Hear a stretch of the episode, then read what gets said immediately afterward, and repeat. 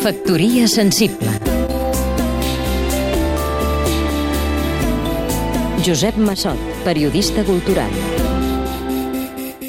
El balanç cultural de l'any a Catalunya deixa un ambient espès i moltes ombres, però també algunes zones de llum. Un aire de renovació comença a espavilar sectors que semblaven tenallats per la por al futur, a perdre les referències i reinventar-se unes altres. Sempre considerat com un símptoma de decadència quan una persona o una societat cau en la melanconia i la nostàlgia i repeteix que qualsevol temps passat va ser millor. Es convertim llavors en éssers desconfiats i rondinaires. En el 2013 hi ha hagut una tendència a conrear les ruïnes del passat per mortificar-nos amb un present dubtós, però també ha hagut propostes innovadores.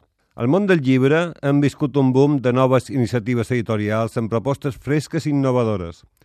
Gent de totes les edats que no es resigna, noves llibreries i projectes editorials vigorosos que necessiten el nostre suport. Perquè Catalunya segueixi sent una societat lectora, regalem o ens regalem aquest Nadal un llibre? Proposo alguns del millor del 2013. Per exemple, Tot s'ha perdut, de Gaciel, per tenir present l'experiència del passat. Albert Serra, la novel·la, no el cineasta. D'Albert Fort, una narrativa de la descaradura. L'horitzó primer, de Joan Todó, un novel·lista que ve de la poesia.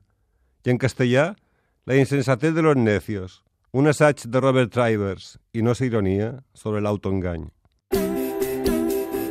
Factoria sensible